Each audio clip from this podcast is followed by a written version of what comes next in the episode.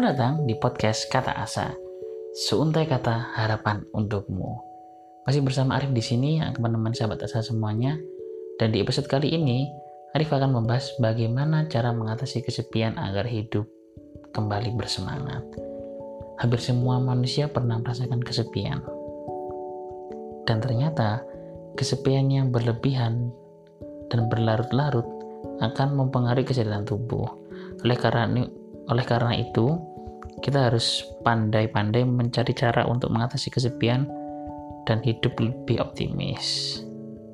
Namun, gimana sih cara mengatasi kesepian itu? Yang pertama, jujurlah pada diri Anda sendiri. Banyak orang yang secara nalurinya mencoba lari dari kesepian.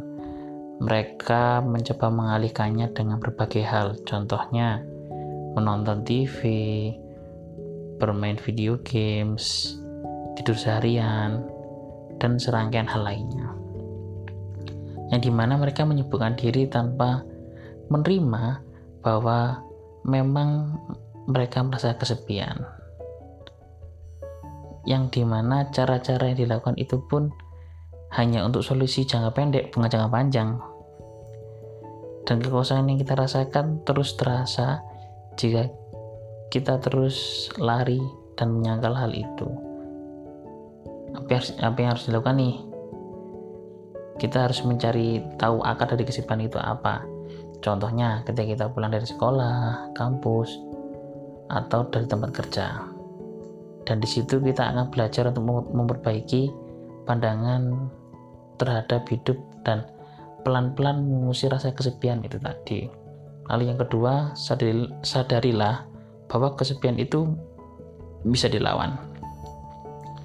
Saat merasa kesepian, tandanya ada sesuatu yang memicu ingatan kita akan perasaan menyakitkan, menakutkan, dan kehampaan yang membuat kita merasa sendiri.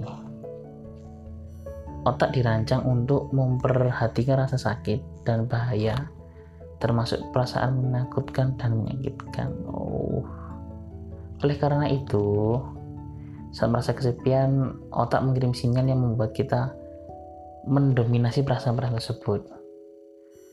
Namun, kita harus segera tersadar bahwa pada dasarnya kesepian adalah kondisi emosi yang muncul dari dalam diri berdasarkan persepsi kita sendiri.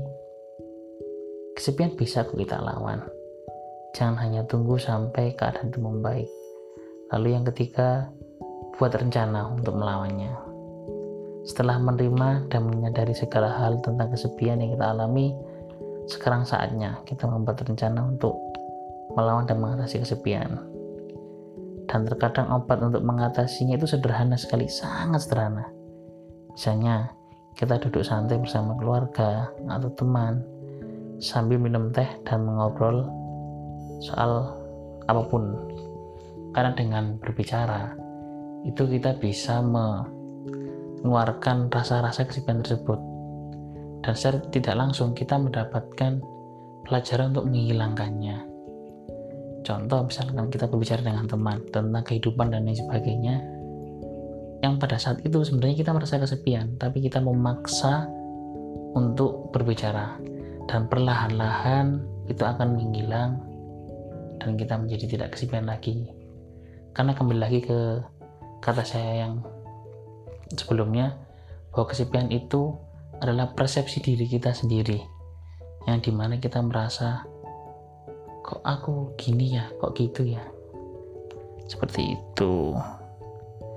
Dan begitulah podcast kali ini. Terima kasih sudah mendengarkan dan salam hebat